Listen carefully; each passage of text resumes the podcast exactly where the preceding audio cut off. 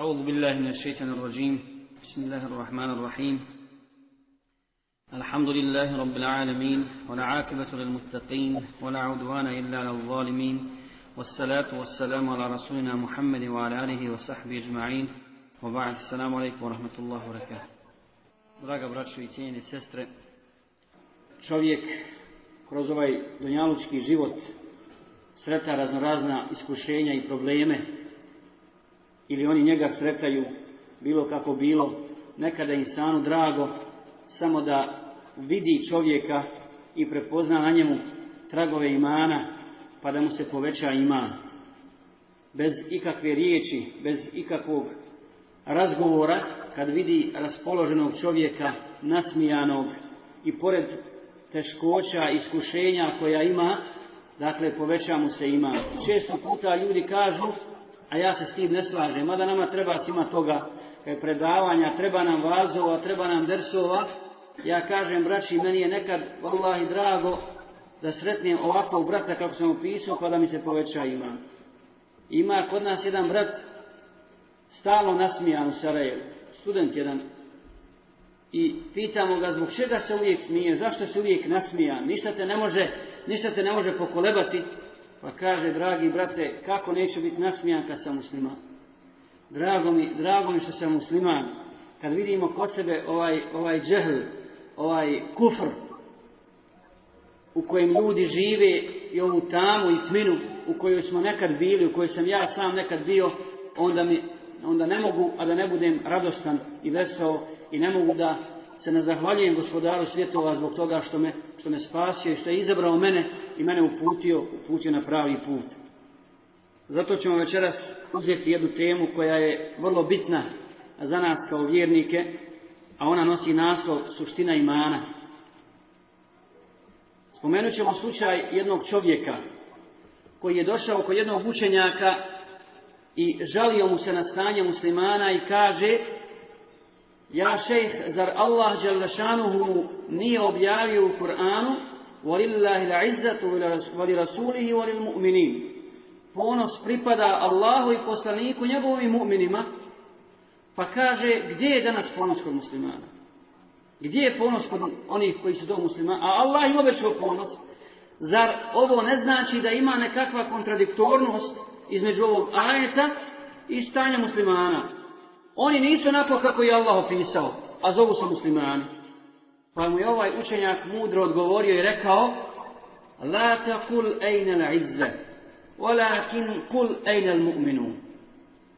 E, ne pitaj gdje je ponos, nego pitaj gdje su mu'mini. Nemoj pitaj za ponos. Ponos neće izostati.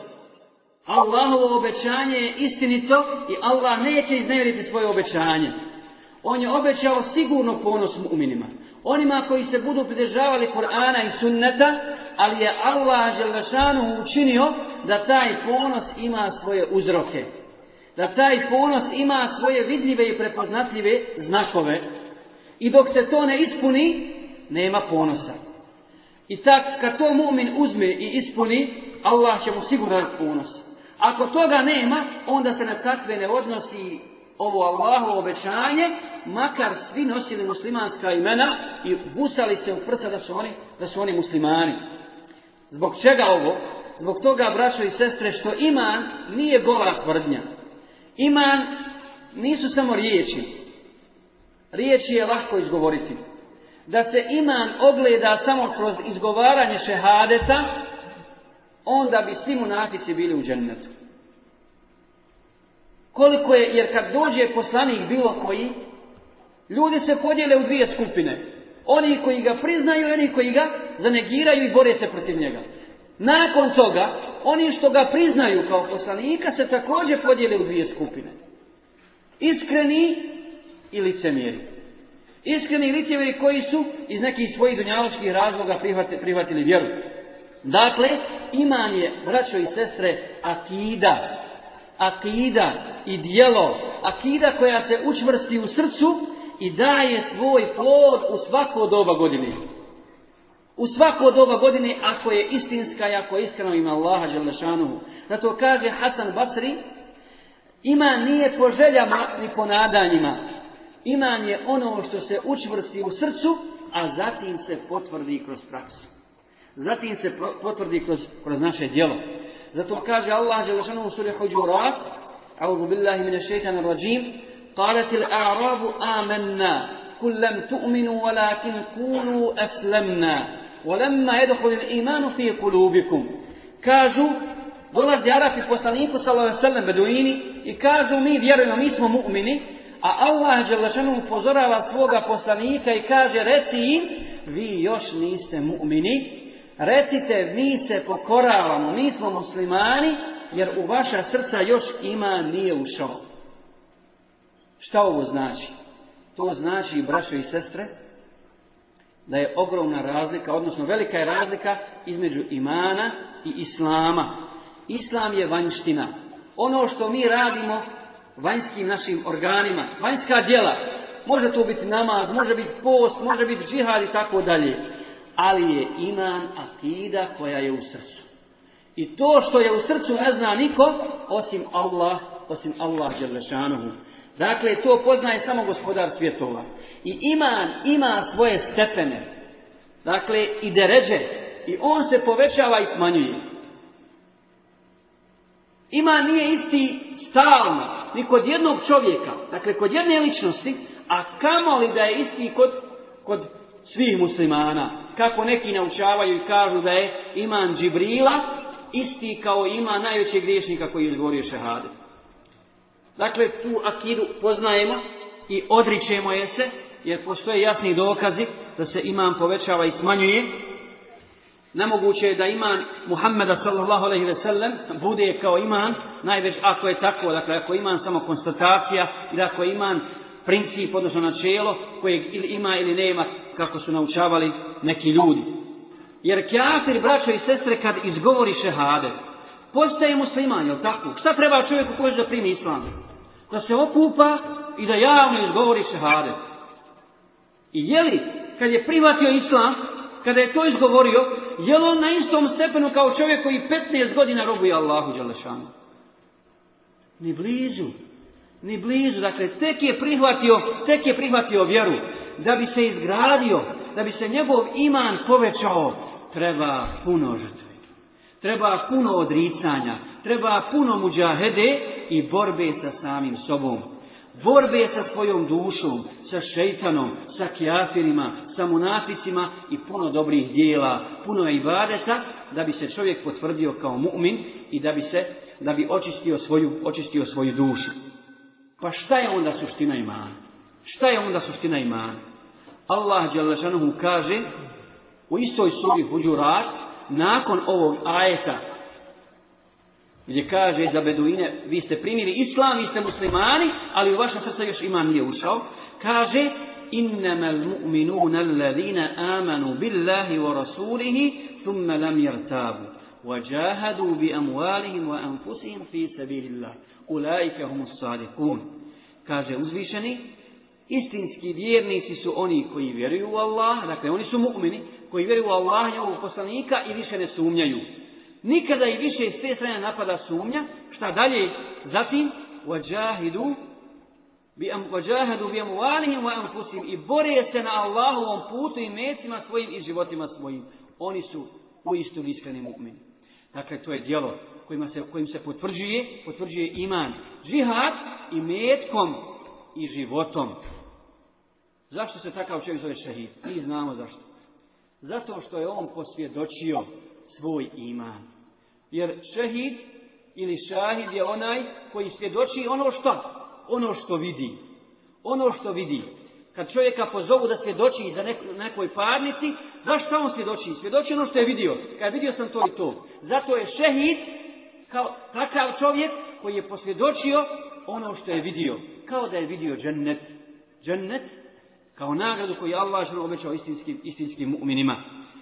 Dalje, to su nekoliko svojstava. Zatim kaže uzvišeni Innal ladina qalu Rabbun Allahu thumma Oni koji vjeruju, zatim ustraju na Allahovom putu.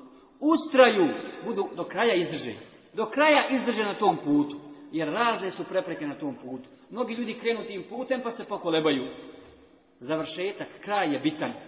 Kako, smo, kako stoji u jednoj predaji od Tirmizija, je da je Tirmizi sanju poslanika sallallahu alaihi ve sellem, pa ga pitao Resul sallallahu ja Tirmizi čega se bojiš? Čega se bojiš? Kaže, ja Rasulallah bojim se lošeg kraja, bojim se lošeg završetka. A oslijepio, poznati mu hadis, toliko hadisa prenio i tako dalje, kaj bojim se lošeg završetka. Pa mu kaže Resul sallallahu ako se bojiš lošeg završetka, onda uči što više dovu ja hayyu ja qayyum bi rahmetike astaghith wa aslih li fi shani kulli wa la takilni na nafsi tarfat ayn. Dakle poznata doba za, kad čovjek tegobi kad se nađe u iskušenjima i tako dalje. Zatim kaže uzvišeni إنما المؤمنون الذين إذا ذكر الله وجلت قلوبهم وإذا تليت عليهم آياته زادتهم إيمانا وعلى ربهم يتوكلون Kaže u istinski oni koji kad se Allah spomene, srca im se strahom ispune, a kada se njegovi ajeti uče, kada se njegovi ajeti uče, iman im se povećava i oni se samo na gospodara svoga oslanjaju. Tri osobine, salata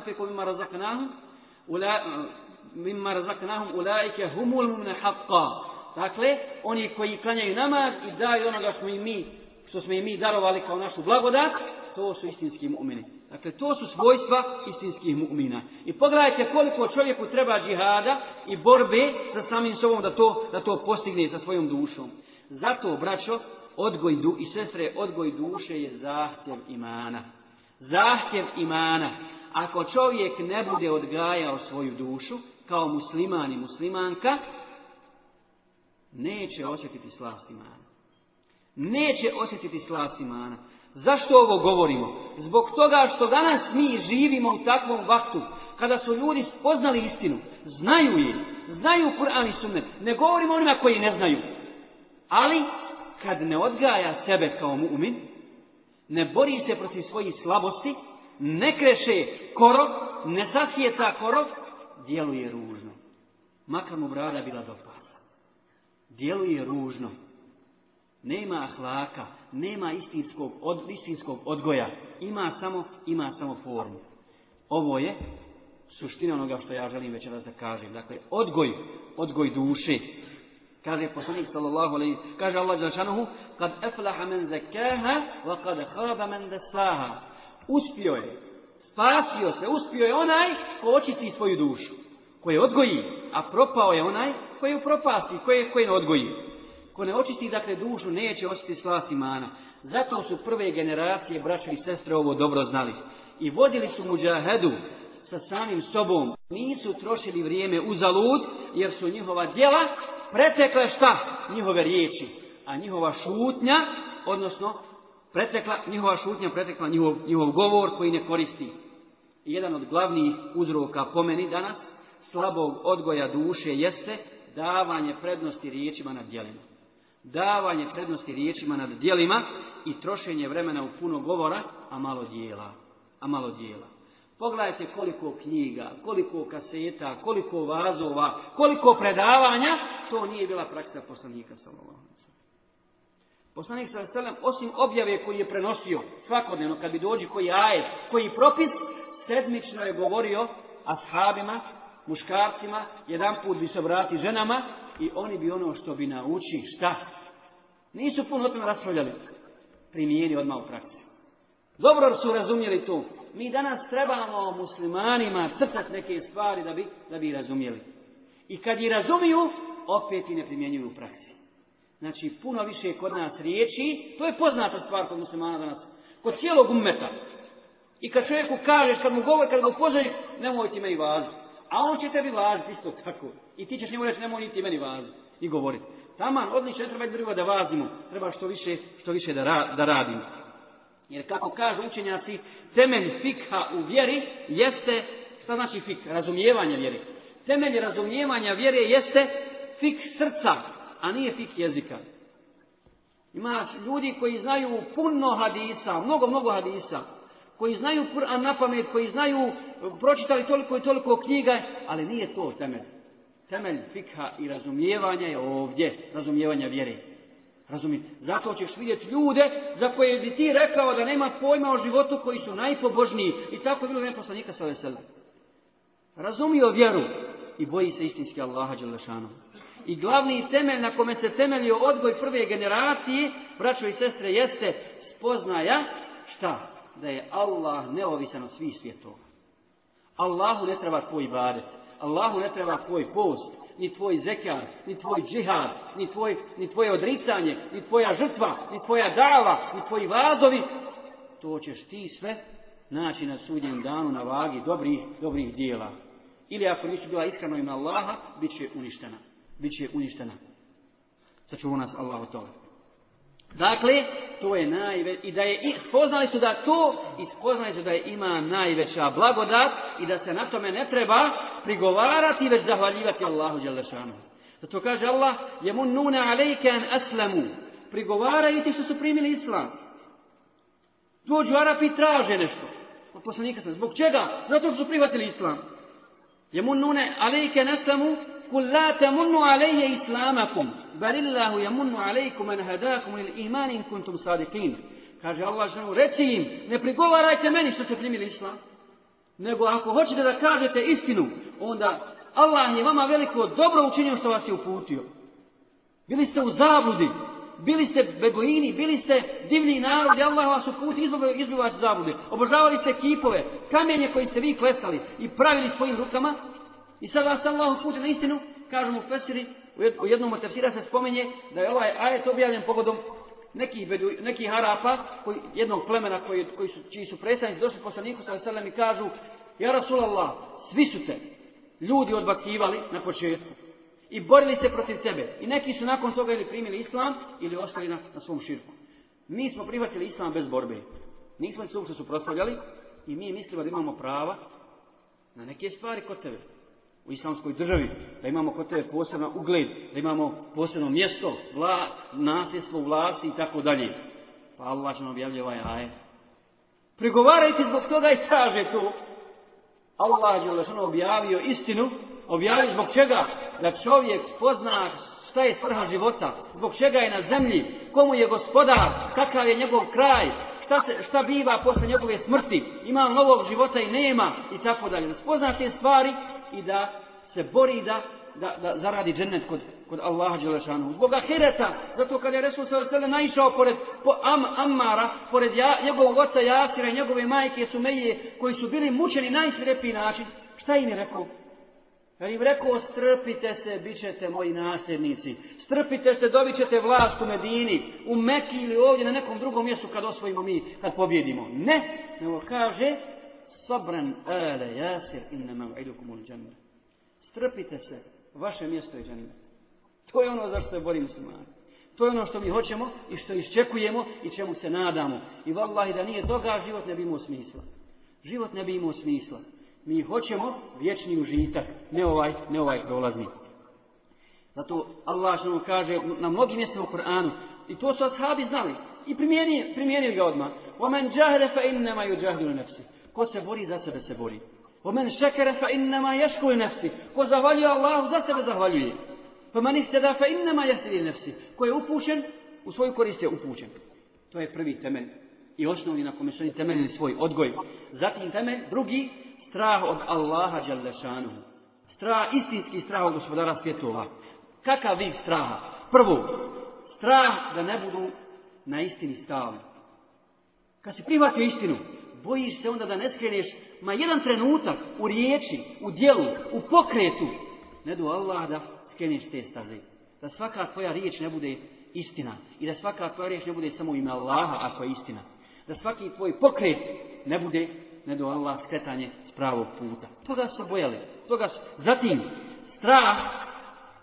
Strah da, da im se ne prime djela. Šta je korist?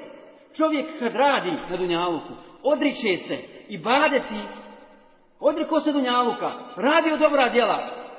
Šta je korist ne do Allah, ako kad dođe sudnji dan i provjere se ta djela i budu rađena zbog rija, zbog toga da te neko vidi, držiš zrz, da te neko pohvali, da ti neko aplaudira, da neko kaže mašallah, da ideš u borbu da kada je dobar borac i tako dalje.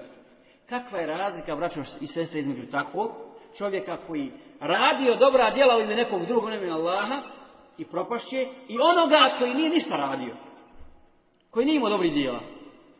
Na sudnji dan kad dođu, ovaj nema djela, kod ovoga propala, pokvarena, ima korist od njih. Kod dvojica putnika putuju, jedan ponio hranu, drugi nije. I kad su ogladnjeli, na putu se pokvarila kod ovog hrana. Otvorio torbu, ovaj nema ništa da jede, u pokvarena hrana, ovo dvojica gladno. Ovo dvojica gladni, dakle, nema djela. Nema djela. zašto? Zato što je pokvario, a puno, puno se trudio i puno radio. Zato su puno strahovali ashabi od toga. To je to čišćenje duše, odgoj, odgoj. Stalno duša teži zlu.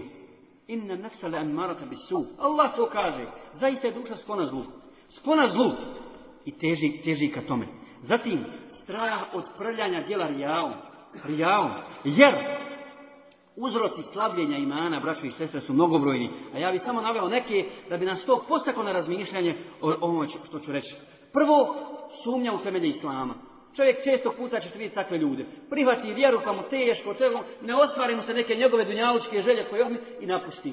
Posumnja, posumnja, posumnja u vjeru. To je najveći stradalnik.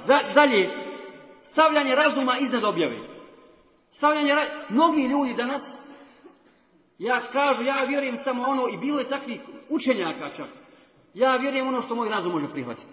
Pa onda pođe da logicira, da, da onaj, e, komentariše i filozofira o gajbu, o stvarima koje Allah objavio u Kur'anu, o kojima nisu raspravile prve generacije. Ja sam vraćao licu držao jedno predavanje vezano za akidu, vezano za poveća, upravo za ovaj smanjivanje i povećanje imana. I sad tamo Ibn Tejmije, rahmetullahi nabraja skupine tabiina, tabi tabiina i tako dalje, koji su bili na tome, na to, koji su vjerovali da se imam povećava i smanjuje. Pa kaže jedan meni brat, kaže, zašto tu nema nijednog ashaba? Ibn Tejmije je navjeren, pa zato što ashabi nisu o tome raspravljali. Zbog toga, filozofiranje se kasnije pojavila, ashabi o tome nisu raspravljali, oni su to vjerovali.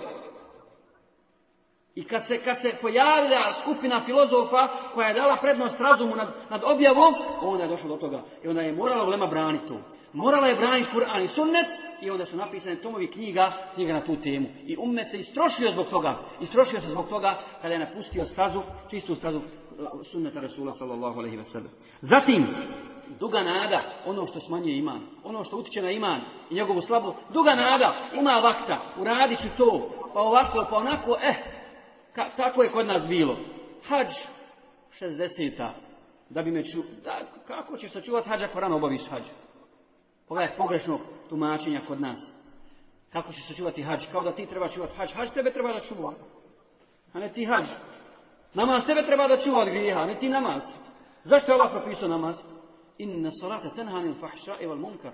A zaista namaz čuva od grijeha i pokvarenosti. Namaz tebe čuva ako ga istinski doživljavaš. Ne da ti grije. I Allah ti preko namaza, preko seđde, preko zikra, preko ibadeta daje šta? Furkan. Furkan da razlikuje šta je dobro, šta je zlo. I tvoja duša čim vidi to odmah, je tu. Čim vidi zlo, gotovo je. Vidi dobro, e to je tu. I taj hađ, ako si govorio na samo on će tebe inšala čuvat. Očistit će te. Zašto se hađija vraća poslije, ako istinski ovaj hađ, ako mi je hađ me vraća se kod majke rođena kod čistog grijeha. I veli sad kad sam čistog grijeha, e sad ne smijem ništa raditi, ne smijem ići iskući da bi, da bi to sačuvao. Ne, ako si se očiti istinskog grijeha, ti se tek sada još jače sukobljavaš sa životnom situacijom. Još jače ulaziš u sukob s žahilijetom, s kufrom i tako dalje i boriš se protiv toga jer ti je put još jasniji. I Allah ti daje još veću, još veću snagu time. Zatim jedenje harama, zatim mnogo rasprava, mnogo rasprava. Preko jedenja harama ćemo prijeći, oko toga se mnogo govori. Ali mnogo raspravljanja danas slomi umet. O najsitnijim i najnevažnijim stvarima. I dok najveći vozovi prolaze i tutnije pored nas, mi se zabavimo nekakvim šarafčićima sitnim i oko njih, raspravljamo. A kjafiri stežu obruč oko muslimana. Stežu obruč oko muslimana. Što kaže jedan učenjak dok su muslimani raspravljali može se klanjati u staklenim mestvama ili ne može, Bagdad je pao. Šafri su uzeli Bagdad poklali za 40 dana milijun, muslimana. Zatim, ono što slabi iman jeste pozivanje na ljubav u ime Allaha Đalešanuhu, a u praksi toga nema. U praksi toga nema, braćo i sestre. I mi smo svjedoci toga, vallaha. Da ono ljubav koju mi svjedočimo i pozivamo u nju, brat, jesi brate, jesi sestro u ime Allaha Đelešanuhu i kažemo mi smo braća i sestre, drugi koji nisu kao mi, po formi, a ne po suštini, meni se tako, nek me demanti onaj ko, ko, misli da je drugačije, a ja vidim da su naše veze jako slabe, jako slabe, i onda kako ćemo napredovati? Kako ćemo Allah dati bereket u davi? Kako ćemo Allah dati bereket u našem životu? Kad naše veze nisu čvrste, nisu jake ni blizu kakve su bile kod prvih generacija. A pozivamo u to bratstvo, a Allah će iskušat nas i potvrdit će se, jel to samo gola tvrdnja, mi smo braća, mi smo braća i sestre na Allaha ili je zaista to opravdano, što se, tako govori. Zatim, zasnivanje bratske veze na ličnim, odnosno dunjalučkim interesima. Ako imam od tebe interes, ako vidim da mogu nešto ostvariti, ja ću čak i u ime Islama, u ime imana, u ime vjere, druži se s tobom. Družiti da bi ostvario svoj interes. Kad ga nema, nećemo se više, nećemo se... I kad nestane tog interesa, to se vidi da se pokidaju veze. Da se više ohlad, da ohladi. I kod nas u danas, to je primjetno, daleko još uvijek jače rodbinske. Rodbinske veze treba da budu jake. Ali čak i sa onima, s rodbinom koja nam nije koja nije ni blizu na stepenu imana, čak ne prihvata nikako, ne, ne izvršava Allahove naredbe. Vađi biti, preći su nam nekako i sad bliži smo njima nego onima koji izvršavaju i sunet poslanika Zatim, malo samo obračuna, malo samo i vlastite analize i svog stanja, svog stanja imanskog, zatim malo zikra i dove i tako dalje. Mogli smo mnogo, mnogo ovih, ali samo usput spomenuli ove stvari koje nam koje utiču na slabost imana. I bojim se, braćo i sestre, da mi ne napustimo ovaj dunjavučki život, a da ne osjetimo slast imana i da nam jedina nagrada neće biti, ne do Allah, to što će nas ljudi pohvaliti da smo lijepi, da smo pobožni, da smo mašala uredni i tako dalje. Drugi nagrade da nećemo ni osjeti ni imati. Zato su učenjaci prvi, u prvim generacijama spominjali svojim učenicima i odgajali na pravi način i govori bi im e, kada, pogledajte kako jedan učenjak, jedan ših, svojim učenicima, kako svoje učenike savjetuje i šta im govori, kaže kada vam se učini nasilje, ne uzvraćajte na njega. Misli se nasilje od strane muslimana, a ne na nasilje od strane nevjernika. Muslimani danas ne uzvraćaju na nasilje kad im, kad im Kjafir učini nasilje. Ali musliman, i kad mu ne učini nasilje, on će njemu učiniti nasilje. I ne dodije mu to, borba protiv muslimana nikad ne dodije. A protiv kafira ne smijemo se ni u da se borimo. Zatim, kada budete pohvaljeni, ne radujte se tome. To je odgoj duše. Kada budeš pohvaljen, ne raduj se toj pohvali. Zatim, kada vas budu kudili, ne očajavajte. Ne očajavajte zbog toga. Ko su ljudi da te oni hvale, da te oni kude? Naše mišljenje često puta može biti pogrešno. Naša predstava o čovjeku, vidimo ga, dobar, dobar, mašala, i hvalimo ga. Na kraju vidimo kako, kako prođe i kako, kako završi, pa se onda čudimo. Zatim, kada vas u laž utjeruju, ne ljutite se. Zašto? Zato, koga su laž utjerivali? one koji su bili daleko bolji, daleko bolji od nas. Zatim strah od lošeg kraja, kojega smo spomenuli, od ashaba i kako bio prisutan. Strah od onoga što ga čeka u kaburu, strah od onoga što ga čeka na, sud, na sudnjem danu. I to im je povećavalo, to im je povećavalo ima. I odgajali su svoje duše tako, braće i sestre, da su od duša koje su sklone zlu, kako kaže Allah, izgradili duše koje same sebe kore ili smirene duše. Tri vrste tih duša Allah spominje u Kur'anu. Dakle, duša koja la uksimu bi il qiyama, wa la bin lawama. Kunim se dušom koja, sam, koja sama sebe kori. I taj stepen ne može postići čovjek dok ne, dok ne prođe određenu fazu te borbe sa svojom dušom. I kada ga onda ona navede kao mu'min, mu'minska duša je prefinjena, osjeća grijeh, vallahi. I kada te duša navede na to, i ako učiniš nekad grijeh, a učinit ćeš ga svakako i nisi bezgriješan, teško ti. Teško ti na u duši. Duša kori sebe zbog, zbog te stvari. Dakle, to je taj odgoj. I kazna zbog neodgoja duše je zaista, zaista velika. Prvo, to je propast na Dunjaluku i na Ahiretu. Na Dunjaluku kakva je kazna? Slabost. Slabost. Kakva slabost? Tako da su, to, da su kod takvog čovjeka ili kod takve žene sve uzvišene težnje propale. I on je živi mrtvac jer nije osjetio slast odgoja duše i borbe, borbe protiv, protiv svoje duše. Zatim, nestabilnost u životu. Takav insan je braćo i sestre. I to ćemo primijetiti. Ko ne odgaja svoju dušu i nije čvrst na tome, on je nestabilan u mišljenju. Nestabilan je u izboru, nestabilan je u svojoj ideji. I kad god pokuša uraditi dobro, duša ga pozove na drugu stranu. Duša ga pozove na drugu. Zatim poniženje poniženje takav doživa na svakom koraku jer je rob svoje duše. Rob svoje duše i kad si rob duše kako da joj se ne pokoravaš? Kako da, I kad se ljudi smiju, i kad te ljudi izigravaju, i kad, si, kad vidi svak da, da si tako nisko pao, da si ponižen, ti ne možeš, a da se ne pokoravaš svojoj duši. Jer njoj robuješ, nisi se posvetio njenom odgoju. Zatim kukavičluk, Duša takva, čovjek neki musliman koji, koji, se, koji ne odgaja svoju dušu na principima Kur'ana i sunneta i na primjerima ashaba i onih koji su nas pretekli u dobru, sigurno, sigurno će da je kukavica u životu. Zatim gubljenje stida, gubljenje stida, duhovni poraz koji osjeća u, svojoj, u, svom životu, lijenost, lijenost u ibadetima, zatim loše osobine kao što su zavidnost, laž, potvore, gibet i to je prisutno. Mi znamo da e, zbog toga treba odgajati dušu.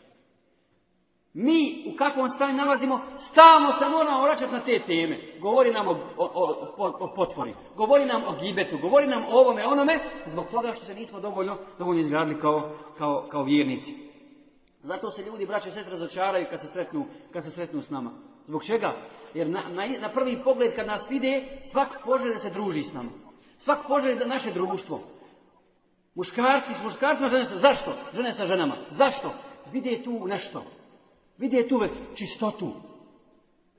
Nema psovke, nema duhana, nema alkohola, nema namaze i badete. I vide da su lica takvi ljudi i žena drugačiji. Međutim, kad se pođe s nama družiti, vide koliko smo mi tanki, koliko smo slabi, koliko među nama ima još, koliko smo među nama veze nestabilne, slabe, pokidane i tako dalje. I onda se razočaraju, pa kad se ovi takvi, onda ko ima, gdje ću naći, gdje ću naći pravo društvo, gdje ću naći utjehu, gdje ću naći utjehu. je dakle, nestabilnost ta i vallahi da kad, kad smo istinski mu'mini, mi moramo se tako ponašati u našem životu. Naš ahlak mora biti takav, naš kompletan život, da ljudi požele da budu s nama. Da našim ponašanjem, na našim govorom, pozivamo ljude da nam se pridruže i da to bude naša glavna dala i najveća, i najveća dava. Jer, kako smo rekli, braćo i sestre, iman, iman nije samo gola tvrdnja, nego je iman riječ i djelo i iskrenost. Prema Allahu Đelešanu, strah od Allaha, lijep ahlak, istinske bratske veze koje je opisao, koje je pisao divno Hasan Basri kada je rekao, kaže smijemo se, smijemo se, a ne znamo, možda je Allah pogledao neka naša djela i rekao ne primam to od vas. Ne primam to od vas. Teško tebi, sine Ademu. Zar imaš snagu, zar to ti imaš moć i snagu da se suprostavljaš Allahu Želešanu, da se suprostavljaš gospodaru svjetova. E, ja sam zapamtio ljude, kaže Hasan Basri, ja sam zapamtio ljude, koji su to ljudi? Ashabi, ljude kod koji je Dunjalog bio prezreniji, prezreniji od prašine pod njihovim nogama. Od prašine pod njihovim nogama i kaže, jedan bi od njih dođi na večer kući i uzmi bi da jede i reci bi, a nije imao ništa osim hljeba nasušnog, reci bi, zaista je ovo puno da ja sam pojedem. Zaista je ovo puno da sam pojedem pa bi odnesi svom bratu muslimanu, a ova je, kome on odnio, imao više od njega. Imao je, imao je više od njega. To je istinska imanska veza. To je istinsko bratstvo. Ili, kaže eh, eh kaže, troje je duša Dunjaluka. Dakle, troje čini dunjaluk živim. Oživi, oživi dunjaluk zbog toga. Bratski susret, susret braći mu'mina ili mu'minki je nešto veliko. Nešto, kroz to se dakle ogleda iman, vjera u Allaha Đalešanu i znamo da će takvi biti na posebnim mjestima na sudnjem danu. Posebne mimbere će imati takvi koji su istinski voljeli u ima Allaha Đalešanu. Zatim iftar, iftar, čovjek postač, to je trenutak, to je trenutak kada čovjek očekuje Allahu milost i iftari se rizkom kojim ga Allah obskrbio. I teheđud, noćni namaz, noćno obdijenje. To je duša dunjavog. Ako toga nema, dunjavog je zaista mrtav. Ili, kako kaže Omer, radi Allah, da mi nije troje, ne bi volio da sam živ. Ne bi volio da, mi, da sam živ. Da mi nije sedlanja konja na Allahovom putu. Dakle, u džihadu i da mi nije dobro, dobrog društva, dobrih mu'mina i da mi nije noćnog namaza. I izdvojite ovo troje iz našeg života pa ćete vidjeti što nam ostaje. Izdvoj dobro društvo. Te goba bez toga. Ne zamisli život. Izdvoj noćni namaz i dovu kad svi spavaju, a ti bdiješ i moliš gospodara svi. Koliko su tada prsa čista, rasprostranjena i koliko radu čovjek osjeća. I džihad, borbu na Allahovom putu radi širenja svjetla Allahovog na zemlji. Dakle, to je bilo vezano za odgoj duši. Ova stvar koju ću sad spomenuti, braće i sestre, također je vezana za odgoj duši. A to je, a kod nas je prisutna, ali meni se čini da je nismo dobro razumjeli, a to je taj takozvani tenafus, natjecanje u dobru. Natjecanje u dobru među muslimanima i muslimankama. Jer Allah Želešanu kaže Farijata nafasil mutanafisu. je opisujući džennet, njegove užitke i blagodati na ahiretu, Allah kaže Farijata nafasil I zato neka se natječu oni koji žele se natječu. Ili, isto tako kad opisuje džennet, na kraju završava ajetom li mitli hada fel ja'mali amilun. I zbog ovoga neka rade oni koji hoće da rade. Džennet vam je opisan, jasan je, izvjestan je sigurno, sigurno i izvjesni da postoji i da će doći taj dan nego što je izvjesno da mi ovdje sjedimo. Zato neka se napišu koji ne znači. Ali šta to znači? Je li to znači, braćo i sestre, činjenje djela da bi se ti istakao, pa makar gazio preko ponosa i časti drugih ljudi? Po svaku cijenu hoćeš, nek si sposoban. Ali ti pokažeš svoju sposobnost i da se natječe da ti uradiš neko dobro djelo, makar ponizio drugu, makar ga uvrijedio, makar ga obeščastio. Poput futbalera koji postigne gol bilo pa deset ljudi. Ne broji se. Ne broji se, to nije fair. Dakle, šta znači? Nema fali ispravno razumijevanje natjecanja u dobru. Navešćemo samo nekoliko primjera da bi nam to bilo jasnije, da bi se vratili, da bi se vratili istinski, istinski ovom, ovom dobrom djelu. Svakako da mi želimo da se natječemo u dobru. Ko od nas ne želi da stigne prvi do cilja? Ne slagao bi ako bi rekao, ja želim da ti stigneš prvi do cilja, ne. Nego, staza tebi, staza meni. Pa ko prvi stigne, a ja želim da ja dođem prvi. Ali neće ti praviti spletke na tom putu da ti ne dođeš, da ti ne dođeš do cilja. Ili ako si bolji, ako si brži, neće ti pobaljivati da ti ne dođeš prvi do cilja. Ako si bolji od mene. Uzet ćemo primjer Abu Bakra i Omera. Koga bi drugog? Uvijek spominjemo sahabe, poslije poslanika sallallahu alaihi ve sellem. Ashabe. Znamo za slučaj, poznat nam je vjerovatno taj slučaj, ali nije nam da ga spomenemo, jer uvijek je aktuelan kad se spomene, da bi mi analizirali svoje stanje. U našim, jel kod nas zaista tako ili nije tako, kad radimo dobra djela i kad se natječemo u dobro. Znamo za slučaj da je Abu Bakr stalno išao onoj starici jednoj da, da, da, namiri kuću, odnosno njen šator, da joj donese vode i da podmiri sve to. Pa je Omer dolazio i uvijek nađe pospremljeno sve, sve sređeno. I gledao jedno jutro, jedan, jedno večer je gledao ko će to uraditi, vidi Ebu Bekr uradio. Pa kad je Ebu Bekr došao za halifu, kaže sad neće moći. Sad neće moći, sad je halifa, ovaj državni poslovi će ga odvući, ja ću, prije njega. I došao je drugo jutro, kad je ovaj postao halifa, opet kuća sređena. Pa kaže, ko sad sređuje to? Kaj je ona isti čovjek prije dolazio, poslije sabaha, sad dolazi prije sabaha. Sad dolazi prije sabaha. Ne može ga Omer, ne može ga Omer stići. Nije mu zavidio zbog toga, onom što ne uzgledao da nestane tog djela kod njega. Ne, natjecanje u dobru. Ili na dan se kifa i priznavanje prednosti je brata nad bratom. Priznavanje ti sposobniji se od u poslu. pojrum radi ga.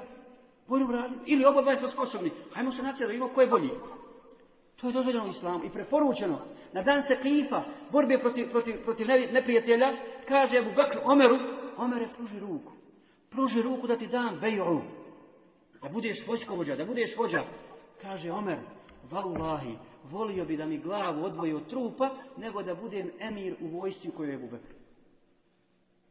Nego da ja budem vojskovođa u tu Nije, nije, nije, jedva dočekao.